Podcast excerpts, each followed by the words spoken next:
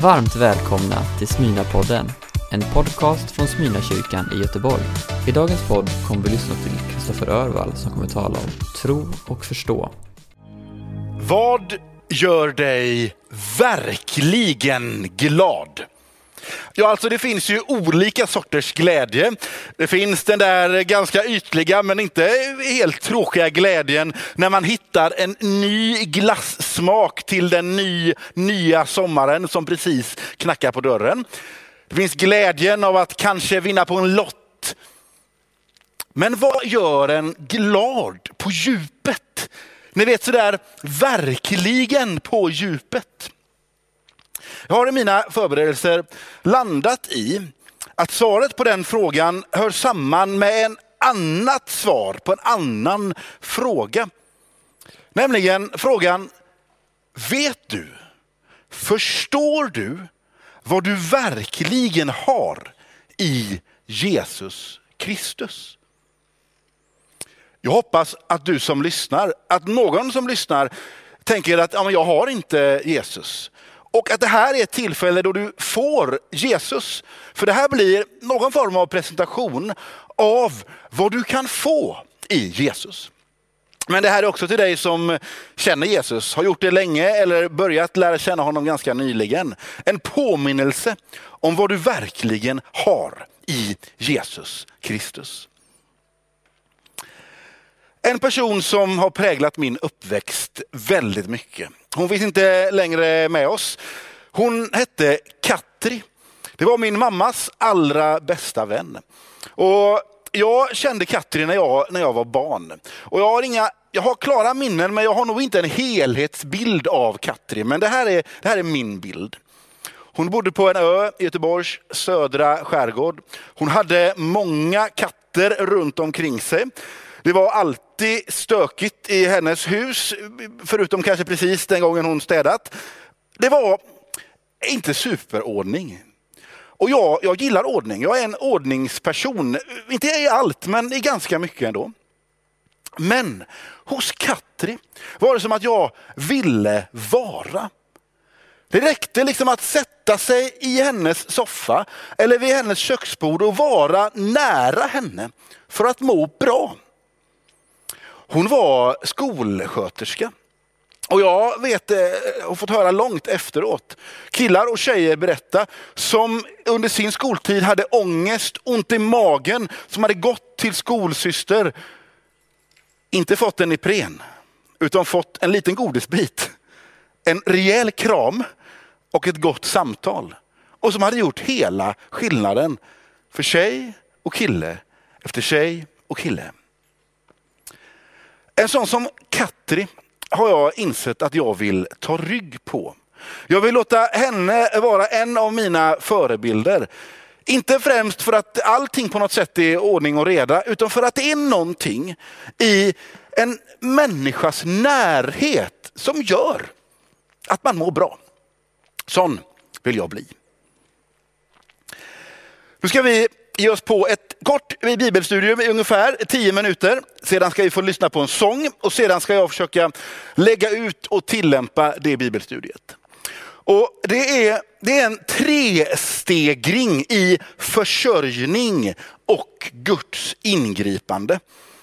Gillar du bröd så är det här också någonting för dig. Eh, är du LCHF-are så får du tänka dig att det är något annat. Ett ägg kanske.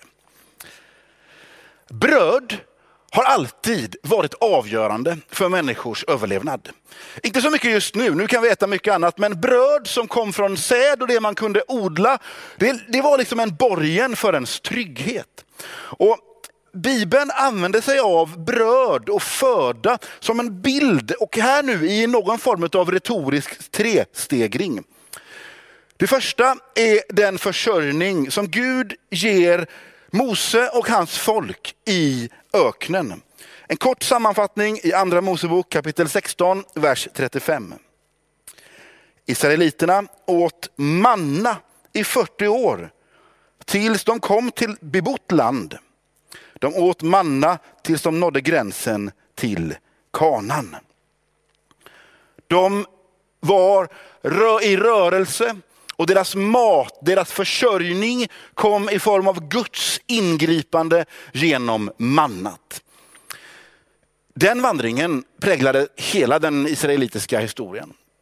Och eh, nu, hundra, hundra, många hundra år senare, så får vi följa vad Jesus gör. Det där ni vet, klassiska brödundret.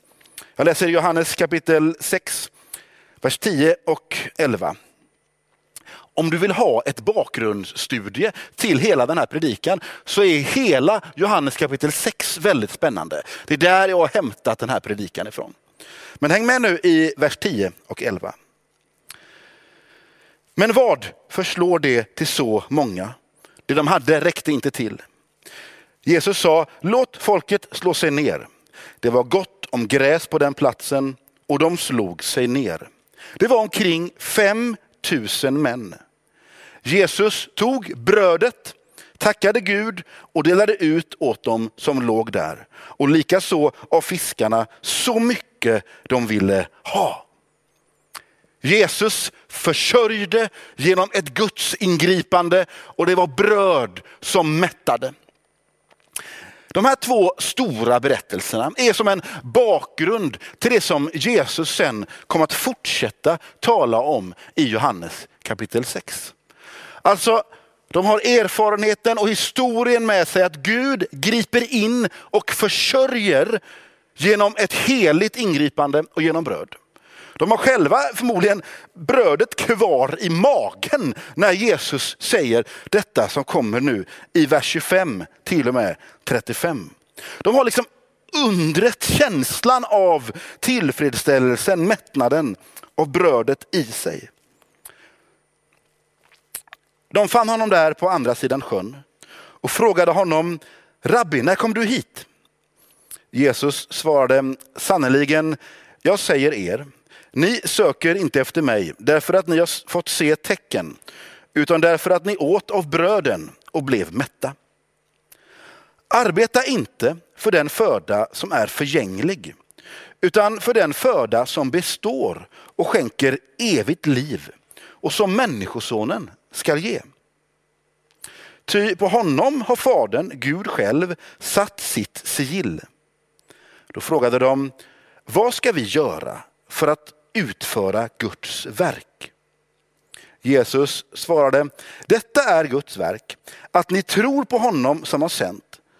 De sa, vilket tecken vill du göra så att vi kan se det och tro på dig?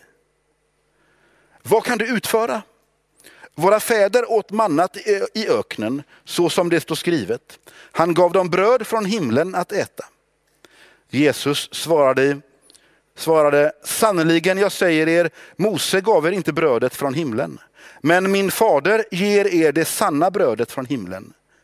Guds bröd är det bröd som kommer ner från himlen och ger världen liv. Det bad honom då, Herre, ge oss alltid det brödet. Jesus svarade, jag är livets bröd. Den som kommer till mig ska aldrig hungra och den som tror på mig ska aldrig någonsin törsta. Ett oerhört påstående. Stora ord om att Gud kommer fortsätta försörja och gripa in.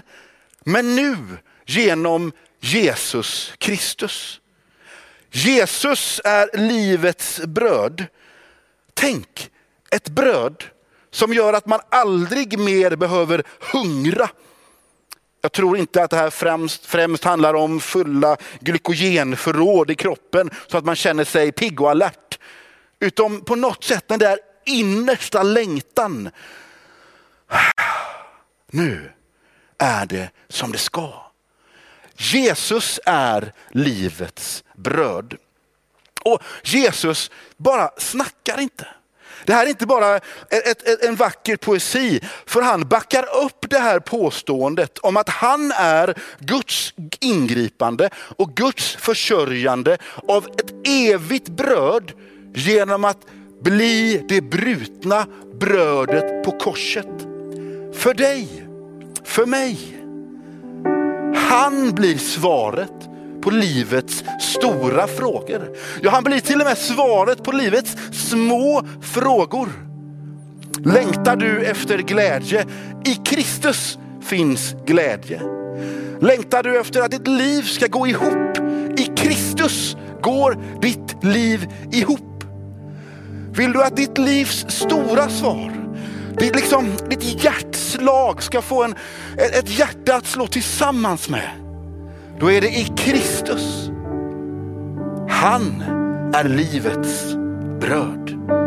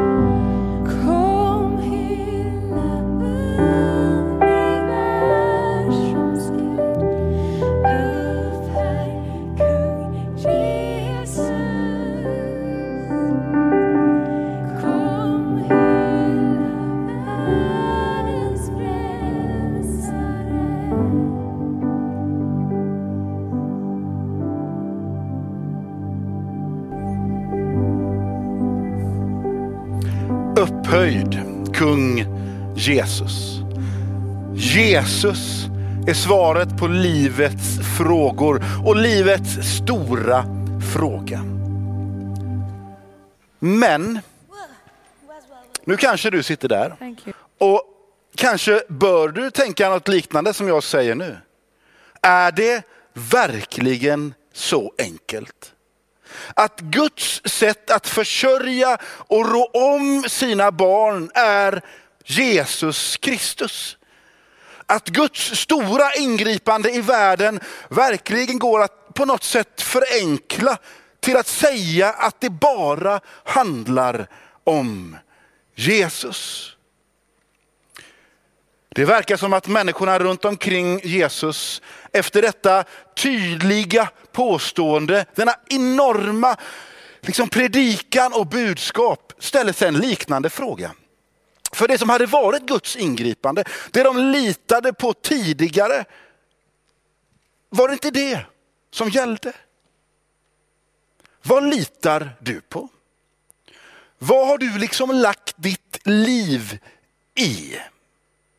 Oavsett om du är kristen eller inte, vad är din reella, verkliga trygghet?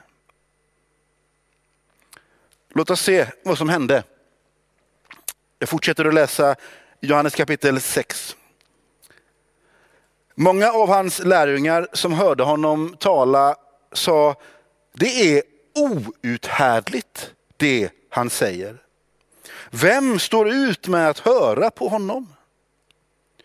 Jesus, som genast förstod att lärjungarna förargade sig över hans ord, sa till dem, får det här er att vackla? Hur blir det då om ni får se Människosonen stiga upp dit där han var förut? Det är anden som ger liv, köttet är till ingen hjälp. Det ord jag har talat till er är ande och liv. Och i vers 66. Då drog sig många av hans lärjungar tillbaka och ville inte längre följa honom. När jag läser min bibel, när jag läser evangelierna så får jag inte bilden av att Jesus är den som förenklar. Ibland gör han det till och med mer komplicerat. Ibland tycker jag nästan att han gör det onödigt svårt för människor att liksom fortsätta leva sina liv som vanligt. Men han är den, inte som förenklar, men han förtydligar. Och Jesus är otroligt tydlig med att han är svaret på livets frågor. Han blir brödet som försörjer oss. Han blir det som bröts, bryts för oss på korset. Han uppstår och han, det är genom Kristus vi får evigt liv. Det är som att den här, den här bekännelsen, eller den här, det här påståendet handlar och knyter ihop med, inte bara det där inre, utan hela människan. Gud vill bära hela din person. Och han har med hela ditt liv att göra. Det är inte pensionsfonder, det är inte pengar på banken, det är inte studier, det är inte arbete, det är inte karriärer. Det är inte allt det där som verkar vara vår trygghet, som är den verkliga tryggheten. Det är inte det som mättar.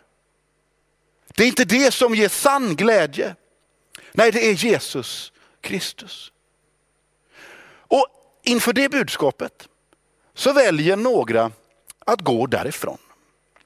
Det kostar för mycket att lämna allt det där som han hade byggt sin egen trygghet kring. Att tänka att nej, det är inte längre den tryggheten som är min trygghet. Så de gick därifrån. Och så vänder sig Jesus till de tolv. De tolv lärjungarna och så frågar han, vad säger ni? Vad gör ni då? Och så svarar Simon Petrus, det som är det jag tänker att du och jag kan ta rygg på. Det du och jag kan följa. Det är obeskrivligt vackert. I Johannes kapitel 6, vers 68 och 69. Simon Petrus svarade, Herre, till vem skulle vi gå? Du har det eviga livets ord. Och vi tror och vi förstår att du är Guds helige. Denna bekännelse är det som får bli ledarskapet för den församling och kyrka som växer fram i historien. Det är därför jag står här, det är därför du sitter och lyssnar på det här. För att den här bekännelsen fick grepp i en rörelse som till slut övervann alla hinder och tog över en hel värld. Och jag tänker att det är den bekännelsen vi ska ta rygg på. På samma sätt som jag vill ta rygg på, på Katri. För att det finns någonting i någon vars omgivning på något sätt mår bra, som jag vill ta del av. Så tror jag att vi kan ta rygg på den här bekännelsen. Låt mig stycka ner den lite. Den har några delar och kanske skulle varje enskild del kunna vara en hel predikan. Det första, till vem skulle vi gå? Det är en kapitulering. Jag har ingen annanstans att gå. Kanske har det blivit tydligt för dig den senaste tiden. Kanske är det en bekännelse som du är väl bekant vid. Att hur du än försöker greppa livet, hur du än försöker förstå och hur du än försöker låta livet hålla dig öppet, så är det ändå bara Kristus som bär genom alla tider, trots alla omständigheter runt omkring i vår värld. Kanske suckar du ibland lite uppgivet. Var ska jag gå? Till vem ska jag gå? Vet du, jag tror att det är en bra start på en bekännelse. Det är en bra start på en bekännelse som kommer bära dig till livets bröd. Och så kommer meningen, du har det eviga livets ord. Jesus Kristus ger bröd för din inre människa idag, men bär dig också i evigheten. Allt annat kan storma. Allt annat kan skaka. Ja, själva livet självt kan skaka och darra.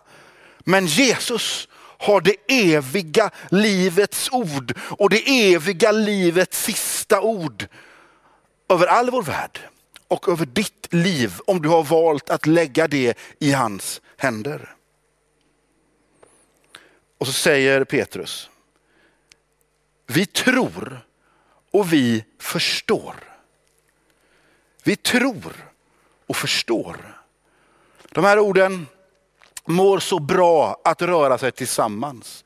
Tro om det vi inte kan se, om det vi inte kan greppa, det vi liksom bara kan hoppas. Du behöver det i ditt liv.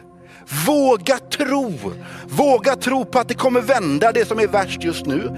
Våga tro på att det finns något bättre runt hörnet. Och sen detta ordet förstå. Jesus låter oss tänka och resonera och förstå. I Matteus 22 och 37 står det, han svarade honom, du ska älska Herren din Gud med hela ditt hjärta, med hela din själ och med hela ditt förstånd. Du får resonera, du får grubbla och tänka, tvivla.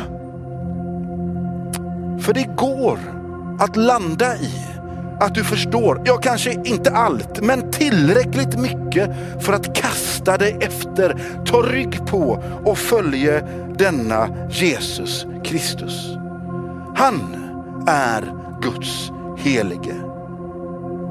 Vill du följa honom? Svaret på den frågan påverkar hela ditt liv. Och det är en fråga till dig som ännu inte bestämt dig om du vill vara en kristen. Nu kan du göra som Petrus. Bekänna, vad ska jag annars gå? Och följa honom som är livets bröd. Och det är ditt hjärtats öppna dörr som gör hela skillnaden. Men det här är också en fråga till dig och mig som har följt honom länge. Vad fyller du ditt liv med? Vad tror vi ska ge egentlig glädje? Kanske har du gått vilse. Kanske har du sökt där du trott ska mätta, men inte gjort det. Var med i den här bönen. Nu ber vi. Tack Herre för att du älskar var och en. Du vet precis vilka vi är. Vad våra hjärtan och våra liv rymmer. Du vet att vi så lätt försöker mätta glädjens törst och glädjens hunger. Men du är livets bröd. Nu vill vi följa bekännelsen som Petrus och lärjungarna hade. Den bekännelsen som kom att forma hela kyrkan, hela rörelsen. Herre, vi tror och vi förstår. Ja, inte allt, men vi förstår tillräckligt mycket för att kasta oss efter dig. I Jesu namn. Amen. Du har lyssnat på en predikan från Smyrnakyrkan i Göteborg. Hjärtligt välkommen att lyssna igen eller besöka Smyrnakyrkan. Gud välsigne dig och din vecka.